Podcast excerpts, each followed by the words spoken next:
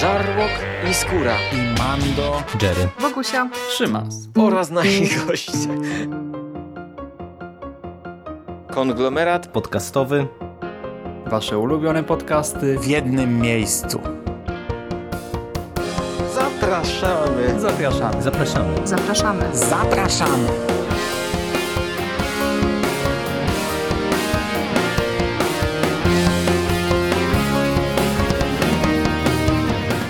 Witam w konglomeracie podcastowym, czyli na platformie, która zbiera wszystkie Wasze ulubione podcasty w jednym miejscu. Po tej stronie mikrofonu Szymon Szymaś-Cieśliński. Cześć Wam i dziś chciałbym nagrać dla Was odcinek z serii Pierwsze Wrażenia. Mój pierwszy odcinek z serii z cyklu Pierwsze Wrażenia na temat serialu Tidelands. Jak wiecie, oglądam raczej niewiele seriali, zwłaszcza jeżeli chodzi o nowości, dlatego do tej pory naprawdę nie nagrałem jeszcze niczego w tym właśnie cyklu, ale że jakiś czas temu rozpocząłem ze znajomymi seans Tidelands.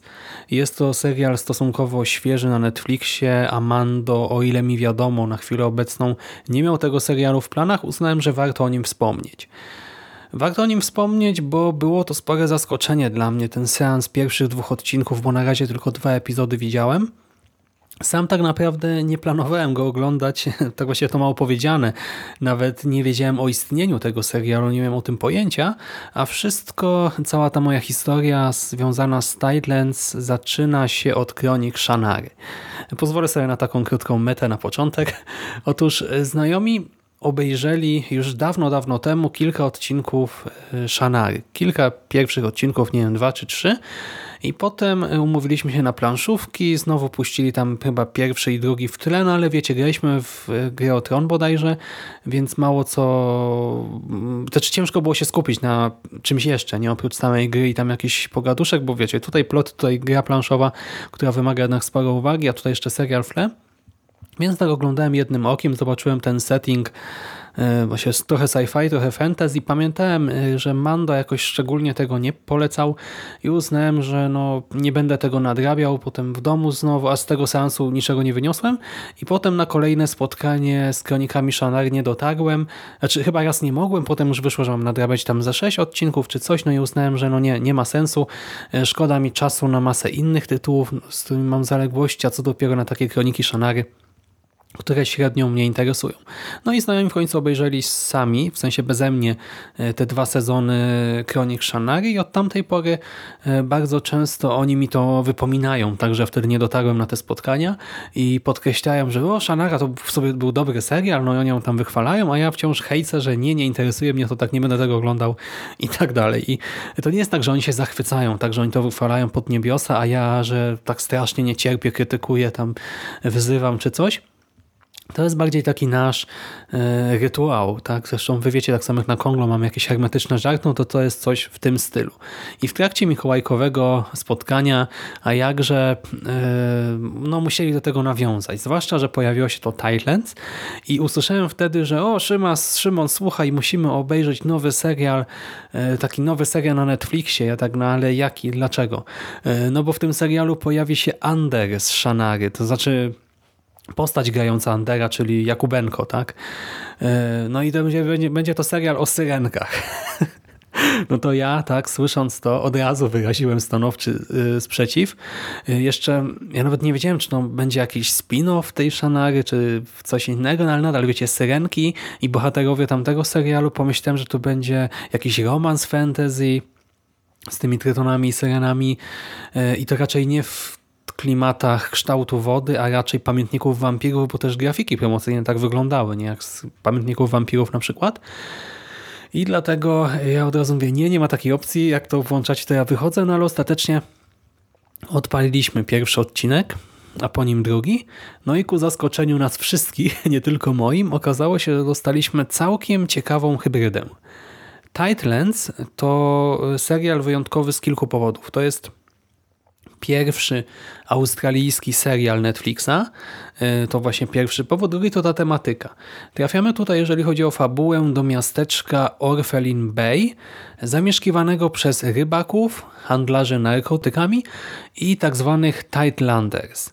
Tightlanders, którzy są e, czymś w rodzaju sekty miejscowych, I ta sekta zbiera między innymi, mm, nie wiemy w jakim stopniu, ale prawdopodobnie gromadzi e, właśnie syreny i trytony. Pierwszy odcinek serialu wrzuca nas od razu na głęboką wodę, dosłownie w przenośni, bo obserwujemy wzburzone morze, a na nim kuter. Kuter rybacki, mężczyzna, który obserwuje pewne wydarzenia, po czym zostaje zaatakowany przez syrenę, a jego ciało zostaje odnalezione dzień później, wyłowione czy tam odnalezione na plaży. Sterujący grupą rybaków i handlarzy narkotykami, Ogi rozpoczyna śledztwo w tej sprawie. Ten jak gdyby przywódca tej grupy przestępczej rozpoczyna śledztwo i w tym celu udaje się na terytorium Tightlanders, gdzie zostaje niezbyt ciepło przyjęty. Widzimy, że dochodzi tutaj do, mamy do czynienia z pewnymi antagonizmami. Niedługo potem e, w okolicy pojawia się nieobecna przez jakiś czas Adriel, czyli przywódczyni tej dziwnej społeczności i równocześnie powraca też Kal, siostra Ogiego, która ostatnie 10 lat spędziła w więzieniu Została skazana za zamordowanie swojego ojca i policjanta zarazem. Podobno nakłoniła ją do tego matka, która jednak się do tego nie przyznaje teraz i która przejęła spadek po mężu i teraz aktualnie prowadzi miejscowy bar. W okolicy działa także młody policjant Corey, któremu koledzy dają jasno do zrozumienia, że nie powinien grzebać w przeszłości e, Kal i miasteczka, ten jednak e, pała pewnymi uczuciami do Kal i dlatego e, no, nie poddaje się tak łatwo. Pierwsze dwa epizody obrazują nam, jak widzicie, dość pokaźną sieć intryg, e, która wciąż się zagęszcza. Tak? Te poszczególne nitki fabularne coraz bardziej się plączą. Ogi i Kal to rodzeństwo, które odnajduje jakąś nić porozumienia, ale już matka E, nie chce mieć z córką niczego wspólnego, tak naprawdę chce się jej pozbyć, niemalże dosłownie ją wyeliminować. E, wiemy, że Ogi i Adriel współpracują, ale zarazem nie do końca się dogadują. Wiemy też, że policja przymyka na to oko. E, dlaczego ostatecznie człowiek Ogiego śledził ludzi Adriel? Dlaczego zginął? Tego na razie nie wiemy. Widzimy, że Adriel również skrywa pewne tajemnice oraz, że jest bezwzględna w sterowaniu tą swoją społecznością. Widzimy, jak karane jest nieposłuszeństwo w społeczności. E, dochodzi tutaj innymi do brutalnego okaleczenia dziecka.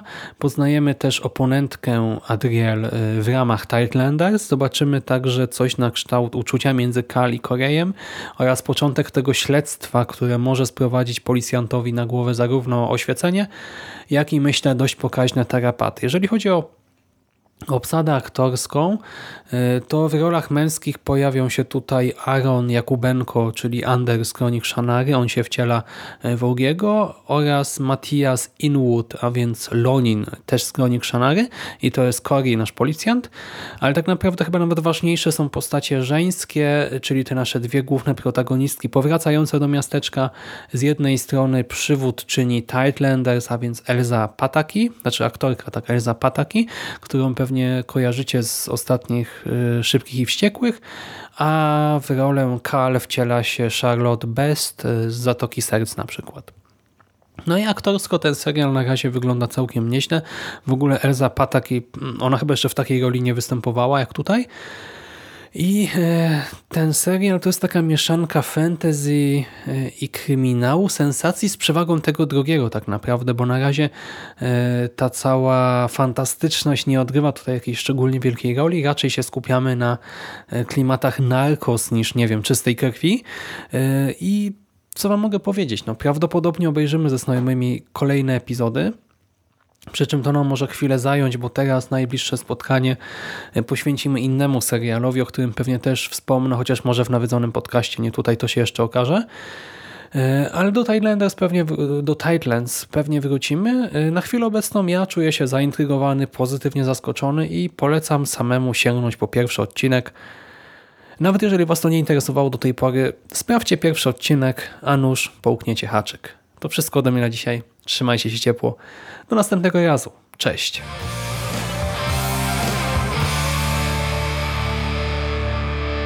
You finished? That's it, man. Game over, man. It's game over. What the fuck are we gonna do now? What are we gonna do? It's over. Nothing is over! Nothing! You just don't turn it off!